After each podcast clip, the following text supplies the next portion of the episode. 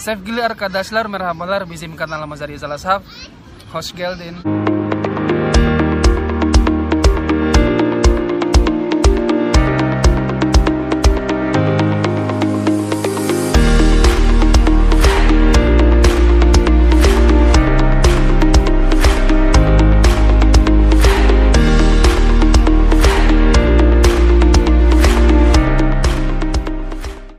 Jadi guys, selamat sore semua.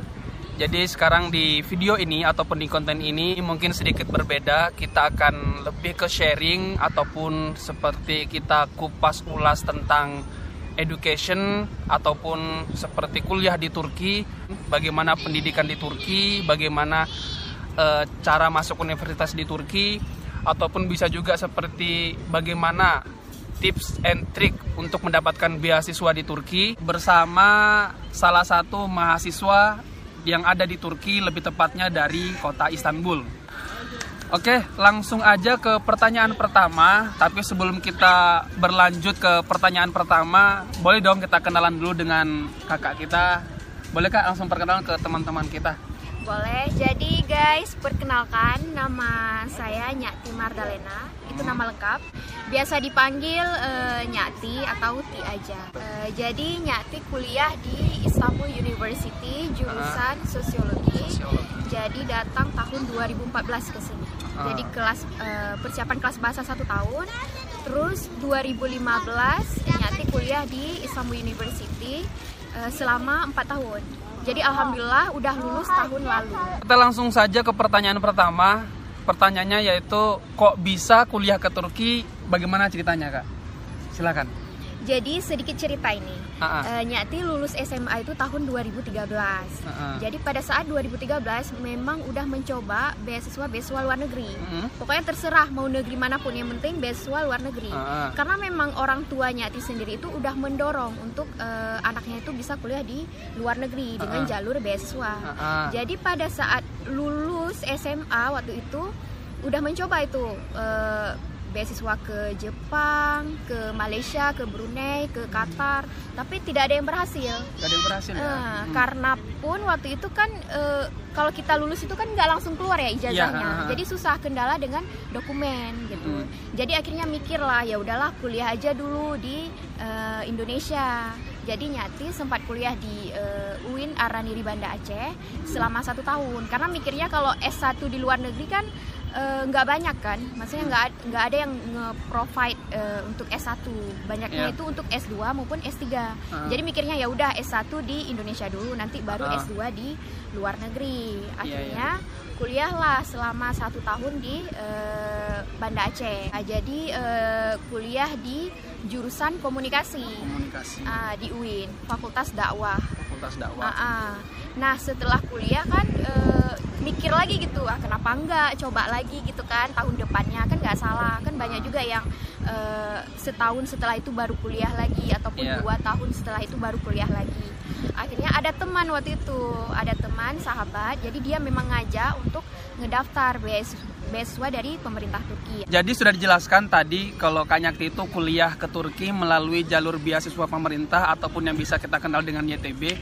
Terus pertanyaan selanjutnya, pertanyaan kedua, boleh nggak sih diceritakan sedikit mengenai YTB itu apa? Silakan ya. Iya, jadi YTB itu sendiri adalah Kementerian Luar Negeri Turki. Uh-huh. Jadi uh, YTB bekerja sama dengan Menteri Pendidikan Turki uh-huh. memberikan beasiswa kepada mahasiswa dan mahasiswi yang ada di negara-negara berkembang, uh-huh. yaitu terutama di jenjang uh, pendidikan S1, S2, S3 dan penelitian. Uh-huh. Jadi apa saja sih fasilitas yang diberikan oleh YTB? Uh-huh. Yang pertama itu adalah tiket keberangkatan uh-huh. dan uh, kepulangan setelah lulus nanti. Uh, yang kedua itu persiapan kelas bahasa. Jadi bahasa. Uh, walaupun mau belajar dalam bahasa Inggris, bahasa lain, tetap wajib kelas bahasa dulu selama satu tahun. Bahasa Turki ya. Bahasa Turki. Bahasa Turki. Jadi setelah itu uh, kuliah. Jadi untuk S1 itu empat tahun, untuk S2 itu tiga tahun, untuk S3 itu lima tahun. Kalau untuk uh. penelitian sendiri itu tergantung, ada yang satu tahun, ada yang dua tahun. Uh, uh, Nah, fasilitas lainnya adalah uh, tempat tinggal, yaitu asrama. Asrama. Uh, uh, boleh uh, tinggal di rumah, tapi itu di luar tanggungan dari uh, YTB itu sendiri. Tapi bisa aja sih karena uh, uang saku yang diberikan setiap bulannya itu cukup. Uh, terus fasilitas yang lain itu sangat penting yaitu uang saku tiap bulan. Saku Jadi tiap bulan. alhamdulillah YTB ini memang memberikan uang saku kepada kita yang dapat beasiswa ini setiap bulannya. Untuk S1 itu ada uh, sekitar uh, 800 lira, S2 itu 1000, S3 itu 1500. Uh, jadi sebenarnya beasiswa pemerintah Turki ini adalah beasiswa yang sangat mudah sangat untuk mudah. kita daftar, maksudnya mendaftar. Itu menurut pengalaman Nyati yang Nyati lihat. Karena ah. sebelum-sebelumnya Nyati udah coba lihat misalnya beasiswa dari Jepang, uh. Malaysia itu mereka uh, syaratnya itu sangat susah hmm. gitu misalnya butuh banyak tahap gitu hmm. tapi kalau YTB sendiri itu cuman seleksi berkas kalau keterima langsung dipanggil wawancara kalau keterima kita udah da langsung dapat tiket gratis untuk kuliah di Turki oh mudah nggak banyak tahap-tahapnya ya nggak banyak tahap-tahapnya terus uh, syaratnya sendiri juga sangat mudah yaitu syarat utama itu cuma ada tiga. Yang pertama itu ijazah yang hmm. kedua transkrip, yang ketiga itu surat rekomendasi dan pastinya harus diterjemahkan. Namun kalau misalnya kita lihat IETB kan pasti mencari kriteria yang di atas rata-rata kan, jadi harus ada nilai plus lah bagi calon penerima beasiswa. Jadi jangan jangan fokus uh, cuman tiga syarat itu tadi itu memang udah wajib udah mutlak perlu kalau misalnya teman-teman ada uh, sertifikat piagam penghargaan itu wajib dicantumkan uh. dan nanti pas kita apply kita juga mengisi kolom uh, essay jadi di situ kita ceritakan uh, apa aja seperti apa pengalaman uh, sosial, leadership, uh, uh, academic contribution, misalnya nilai-nilai sosial atau seperti apa. Banyak yang tanya e, gimana sih Nyati kiat-kiat bisa lulus beasiswa YTB uh -huh. tipsnya seperti apa triknya seperti apa? Jujur pribadi waktu itu Nyati nggak bisa menjawab. Uh -huh. kenapa? Karena waktu 2014 Nyati mendaftar beasiswa YTB itu yang keterima dari Indonesia itu hampir 100 orang hampir 100 orang 100 orang. Uh -huh. jadi 80 apa 90 orang gitu. Jadi nyati mikir pada saat itu ya udah siapa pun yang mendaftar kalau memang dia uh, memenuhi syarat ya udah keterima aja. Jadi nyati mikirnya ya udah ini memang rezeki nyati jadi nyati keterima tanpa ada uh, tips dan eh, kiat-kiat uh, sebagaimana yang disebutkan gitu kan. Tapi setelah itu nyati jadi mikir karena setelah tahun 2014 setelah apa tahun 2015, hmm. 2016 itu kuota yang diterima itu semakin sedikit. Semakin ah, uh. jadi sekitar 20 orang, 30 orang. Jadi jadinya nyati mikir gitu kan, oh berarti YTP ini memang milih kriteria yang uh, di atas rata-rata. Mungkin kalau ditanya tips dan triknya mungkin ya uh, background kalian seperti apa gitu, prestasinya. Uh. Yang paling penting itu nilai nilai itu uh, uh, academic contribution itu maksudnya nilai nilai rapor kalian untuk yang mau daftar S satu nilai rapor kalian yang selama SMA itu kalau bisa harus bagus gitu nilai rata-ratanya gitu saya kalian mau ngambil jurusan apa gitu jurusan matematika ya udah berarti nilai kalian di matematika usahakan ya bagus terus kayak hmm. gitu Terus yang kedua ya social experience, pengalaman sosial kalian. Karena uh. nanti pas nge-apply, pas kita daftar kan ada pertanyaan itu bagaimana social experiment uh, ex experience. Experience. Maaf terus uh, biar ada nilai tambahnya. Terus uh, tentang uh, leadership. Itu pengalaman teman-teman uh, kalau misalnya sering bergabung organisasi. Gitu. Itu juga juga sangat penting.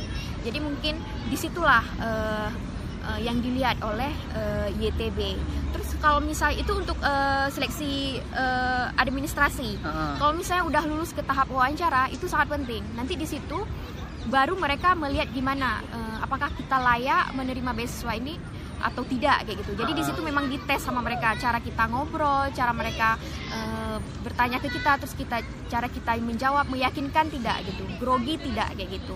Uh, yang paling penting sih kalau misalnya memang nanya, mereka nanya kenapa mau kuliah di Turki, nah kalian di situ tuh harus confident gitu, harus uh, muji Turki, terus kenapa uh, kenapa harus memilih jurusan jurusan ini di Turki ya karena Turki uh, layak untuk uh, pendidikan dengan jurusan yang seperti ini. Jadi seperti itu sih mungkin tips dan triknya. Oke lanjut ke pertanyaan setelahnya.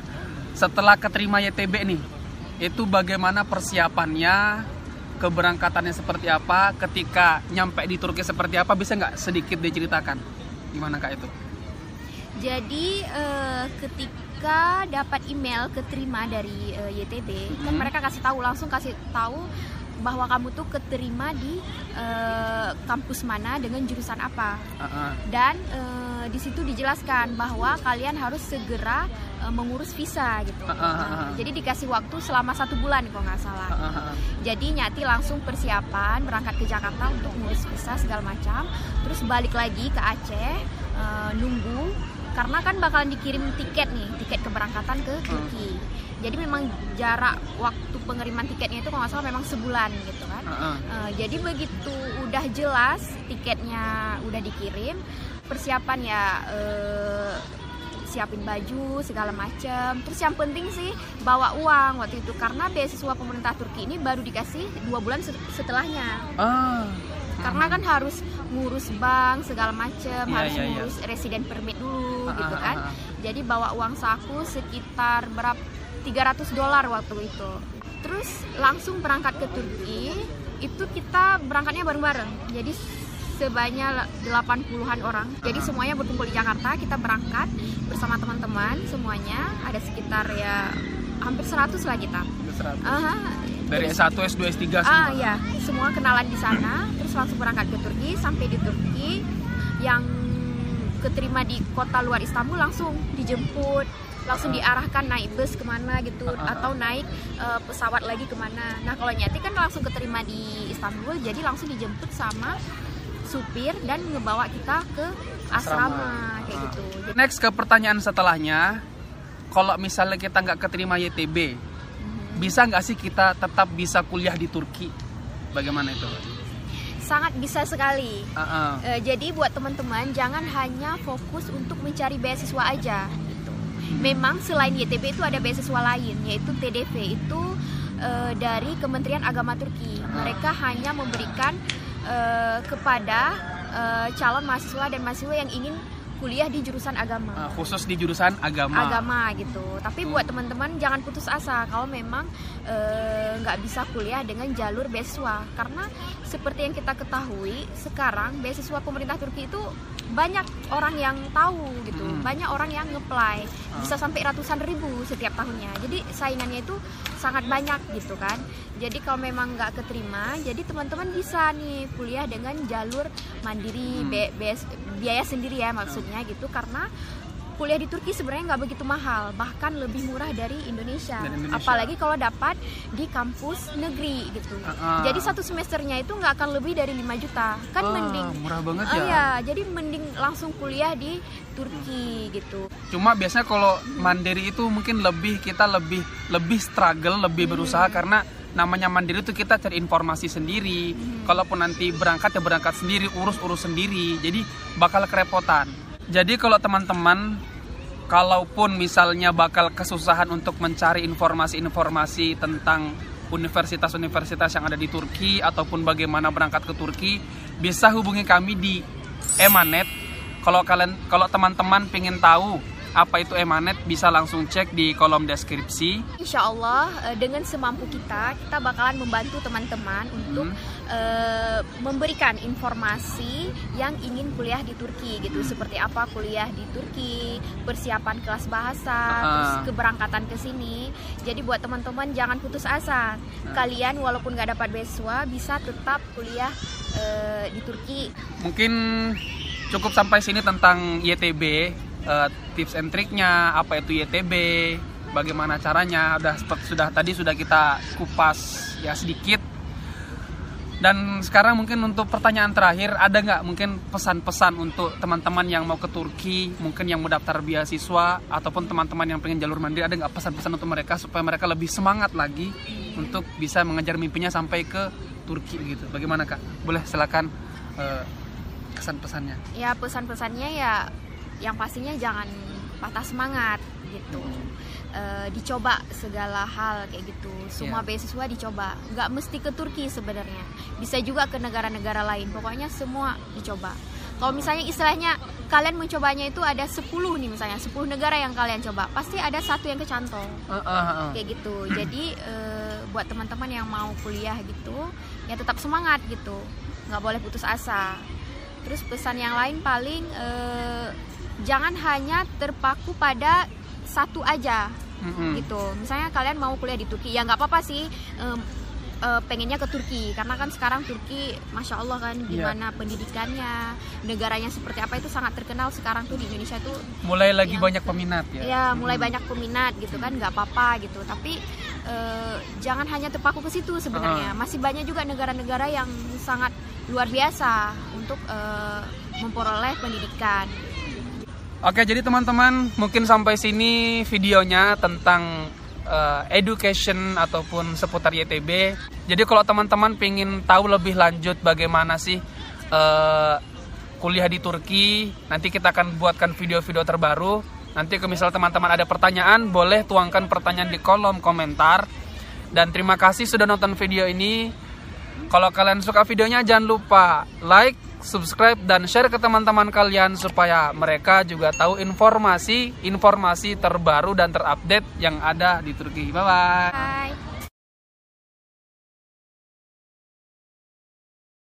Herkese merhabalar balik lagi di segmen sharing.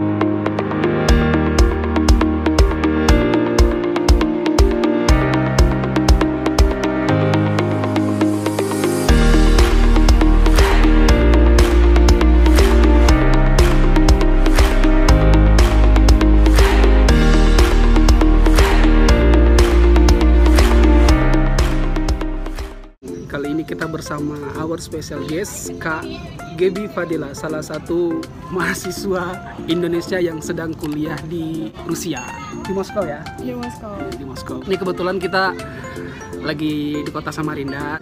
Janji temu gitu kita pengen sharing budaya Rusia itu kayak apa, terus culture-nya sana itu kayak apa, orang-orangnya kayak apa, karakternya kayak apa. Jadi kalau teman-teman yang masih penasaran sama Rusia itu kayak apa, Eh, dari tahun 2016 ya 2016. berarti udah jalan 4 eh 4 tahun ya, empat ya udah mau tahun kelima berarti udah semester terakhir.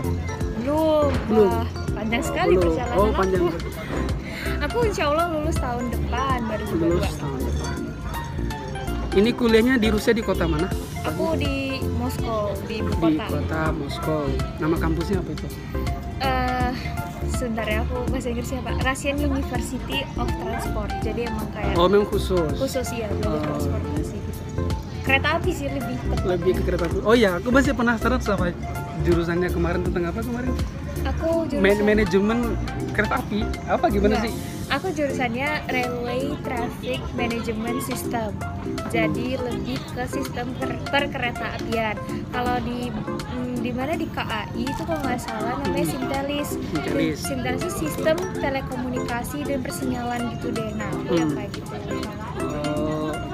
Di sana mandiri atau beasiswa? Eh, Alhamdulillah aku dapat beasiswa dari Pemprov Pemprov Kaltim. sini ya. Berarti eh, ke Rusia dengan jurusan railway begitu-gitu tadi Mhm. itu memang rekomendasi dari Pemprov Pemprov Iya. Soalnya di eh, ke- waktu itu Pemprov sini tuh punya project emang buat bikin kereta api, jalur kereta api Ah. untuk pengangkutan batu bara karena kan Iya. batu bara kan pakai ini ya, su- Hmm. lewat sungai. Itu kan lama Iya. waktunya. Nah, kalau pakai kereta api kan lebih cepat. Baik itu tadi sekilas tentang latar pendidikan GB di Rusia. Terus kalau boleh tahu di Rusia itu kalau kuliah bahasa pengantarnya pakai bahasa Inggris, bahasa Rusia atau ada bahasa lain? Bahasa Bagaimana? tubuh sebenarnya. Bahasa tubuh ya. Kalau nggak ngerti kan bahasa tubuh. Enggak, enggak bercanda. Awal-awal mungkin bahasa tubuh ya kalau Iya, sama iya, orang heeh. Iya, Kalau nggak tahu bahasa. Rusia.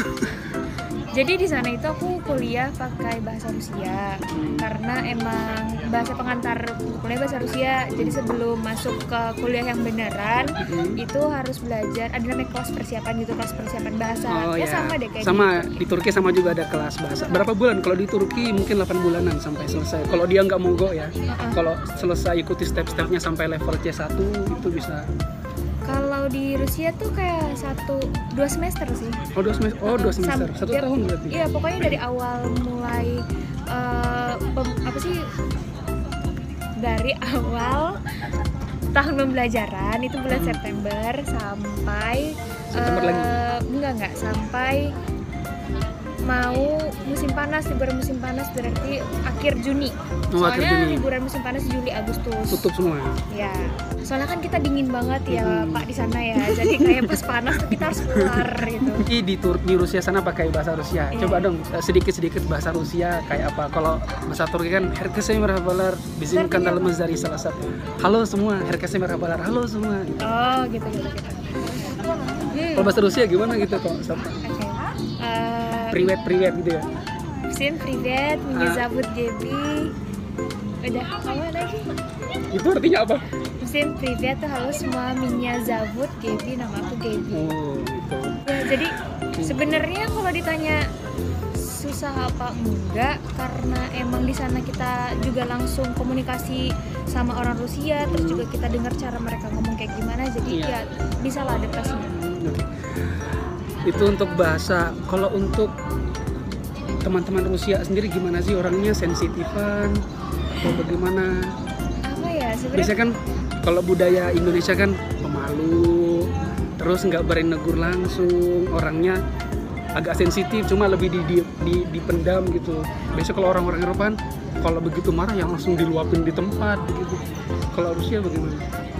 Bukannya kalau di Indonesia lebih welcome gitu nggak sih kalau sama orang asing Welcome banget. Iya kan kalau kita nah kalau mereka tuh enggak jadi ya udah kayak lo gue gue gitu enggak mm-mm, kalau misalnya dia ada kebutuhan ke kita baru dia datang ke kita Oh, sebenarnya udah gitu. biasa sih jadi le- jadi sekarang udah terbiasa kalau orang datang ke aku ada butuhnya doang Iya iya. iya. enggak enggak jadi misalnya gini eh, kita eh, unggul di beberapa mata kuliah gitu kan Mm-mm. nah sebelum sebelumnya nggak pernah negur nih dia Mm. ntar kalau dia ada butuh baru dia datang ke kita nanya Oh, Nah kayak gitu sih lebih kayak gitu. Terus apa lagi ya?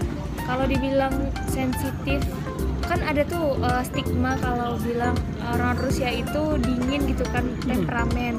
Sebenarnya Hmm. bukan kayak gitu sih, lebih mereka emang datar aja gitu ekspresinya. Padahal mereka tuh nggak marah. Kadang tuh mereka tuh ngasih tau kita, ngasih tau kita tuh baik gitu. Tapi emang nadanya nada tinggi. nadanya nadanya nggak tinggi emang datar aja Emang kayak seolah-olah tuh marah gitu. Padahal enggak Oh, ya. kayak gitu. Terus mereka ngejarang senyum. Oke, ini ada satu pertanyaan. Sebenarnya dari dari teman aku juga gitu kan. Katanya ini pertanyaan dia sendiri guys. katanya di Rusia lebih banyak ceweknya orang Rusia ya bukan orang lebih banyak ceweknya daripada cowoknya ya. bener nggak sih Enggak, gini kayak- aku lurusin ya. oke lurusin ya. kita lurusin soalnya ini lurusin. banyak banget pertanyaannya Aku lurusin. Sebenarnya mungkin itu tuh bener tapi tuh dulu banget gitu loh. Oh, Jadi dulu dulu, tuh sempet ada waktu perang gitu kan. Mm. Jadi itu banyak yang mati gitu. Soalnya Iya. banyak kalau mereka mereka sempat kelaparan juga. Hmm. Nah, jadi banyak yang mati gitu yang lebih bisa survive itu si cewek-cewek dibanding Hmm. si cowok. Jadi makanya populasi ceweknya tuh lebih banyak. Tapi kalau sekarang menurut aku ya dan emang hasil ini juga kita pernah diskusi gini bareng teman-teman. Udah sama deh kayaknya, maksudnya setara aja. Hmm. berarti yang di, yang dibilang orang salah ya Kurang tepat. kurang tepat di Rusia itu kan kalau nggak salah komunis kalau di Turki tempat aku tuh sekuler Hmm. nggak takut apa kalau misalnya pakai jilbab ada diskriminasi gitu nanti Eh, kamu emang di Turki sampai sekarang? sam iya sampai sekarang Nah, kalau di Rusia kan sekarang udah nggak komunis lagi. Partai itu masih ada, Mm-mm. partai komunis itu. Mm-mm. Cuman em, suaranya itu dikit banget. oh gitu Jadi dan mereka itu apa ya kalau misalnya kan kalau di sini lihat Palu Arit itu pasti nggak boleh dia. Oh iya, di sini heboh banget langsung. Iya kan heboh. Nah kalau di sana mereka tuh nggak nggak nggak menghapus itu karena apa? Karena itu adalah bagian dari sejarah mereka oh ya kayak gitu jadi em, paradigma orang-orang tuh tetap sama sih bisa kayak waktu zaman komunis kayak gini-gini tapi di satu sisi mereka ngelihat kalau waktu zaman itu juga banyak gitu loh sisi positifnya. Hmm. terus eh, nggak takut ap- eh takut apa enggak? Ya nggak takut karena sekarang udah nggak kayak gitu lagi. Lebih eh, bebas sekarang kan. Waktu awal ke Rusia pernah nggak sempat sempat kayak ada gitu gitu kamu ngapain pakai jilbab kamu gitu. Jujur aku tuh pernah? Ada pengalaman gitu? aku tuh ke Rusia tuh nggak pernah kepikiran ini sih. Maksudnya kayak eh, di sana entah komunis terbakaran kayak gimana gitu enggak karena aku Hmm. nggak tahu banyak soal Rusia soalnya terus eh, didiskriminasi kayak gitu juga nggak pernah sih kalau di kota aku karena kalau di Moskow sendiri ya itu banyak datang dari ini loh eh, daerah-daerah Kazakhstan oh Oh Uzbekistan, iya, gitu. Kazakhstan. Mm, mereka kan kerja di sana Mm-mm. entah itu legal atau ilegal Iya. ya problem Iya. luar negeri gitu iya, ya. heeh, mereka kan kerja di sana nah jadi ada juga tuh yang pakai kerudung Oh. justru aku malah mendapatkan diskriminasi itu dari orang Islam sendiri lebih banyaknya jadi kayak Oh. gini kan kalau kamu orang Kazakhstan gitu atau Mhm. orang itu lihat orang yang pakai kerudung aku terus tiba-tiba dia langsung minta ajak kenalan gitu dong ke aku terus habis itu minta ajak nikah kayak ya oh my god nikah segampang itu guys makanya aku kayak kalau ada orang-orang bilang "Hmm, di sana kan cowoknya ada yang Islam terus ganteng-ganteng apa segala macam ya aku sih enggak ya Jadi jadi nggak pernah ya? Eh pernah tapi malah dari Islam sendiri ya. iya kalau dari mereka sih enggak mereka paling diliatin ya mungkin kayak ya wajar lah kalau diliatin karena kan kalian beda ya jadi kalau di sini kita kalau di sini kita jadi mayoritas kalau di sana kita jadi minoritas dan aku paham banget sekarang gimana rasanya jadi minoritas jadi guys pesannya adalah kalau ada orang yang beda sama kalian ya udah itu emang emang hidup mereka gitu loh Hidup kita hidup kita, Mm. budaya kita budaya kita. Untuk puasa kemarin kan saya kan sudah setahun di Turki itu puasa kemarin di akhir-akhir masuk musim panas. Jadi ini masih musim ini musim semi tapi udah mau masuk musim itu kan puasa kita kalau nggak salah. itu saya di Turki kemarin puasa 16 jam dong itu bagi aku yang baru tahun pertama di Turki puasa yang biasanya 12 jam kita tambah 4 jam dong di Turki. Kalau di Rusia gimana? Sama 4 16 jam apa gimana? Ya, kayak eh, kayaknya pergantian peralihan musim di di Rusia sama di Turki itu gak jauh beda kan? Gak jauh beda. Hmm. Tapi kita di sana siangnya lebih panjang banget, jadi puasa 19 jam. 19 jam tambah 3 jam lagi 19 eh tambah jam. 2 tambah tambah 3 Iya, jam tambah 3 jam. tambah 3 19, jam dari 3, Istanbul 4, 5. Nah, jadi 5 jam. Aku di Moskow 19, 18 sampai 19 jam kan. Temen aku di Saint Petersburg yang lebih utara itu 20 jam. Jadi kayak 5 sampai 4 jam tuh kita buka puasa, sholat maghrib, sholat isya, sholat terawih, sahur, sholat subuh 4 jam 4 jam. Jadi kayak uh rush banget gitu. Kadang tuh kita buka puasa ya udah buka sekalian sahur. Hmm. sama dong kayak di Turki itu kan jam 10 baru sholat isya habis itu sholat taraweh sholat taraweh mungkin jam setengah 12 baru selesai Hmm. Habis itu ngobrol-ngobrol sama teman pulang ke asrama atau ke rumah. Terus dua jam lagi sahur. Jadi kayak buat apa tidur mending Iya, iya begadang sekalian gitu. Nggak tidur sih lebih banyak nggak tidur. baik guys ini mungkin segmen sharing kita mungkin sampai di sini aja karena keterbatasan waktu ini sudah mau maghrib udah malam ya. Mungkin kita ke next video. Gelap. Kan mau maghrib biar lihat. Oh iya Ya udah sekarang terus kembali di gimana nih gini tekan mukanya lagi tekan muka kamu muka aku. Nah. Apa? Jadi sampai sini aja videonya. Mungkin kalau teman-teman ada pertanyaan bisa lanjut pertanyaannya nanti di komentar. Makasih. Jangan lupa Jangan lupa follow Instagramnya KGB nanti ada di kolom deskripsi ya. Bye bye. Makasih.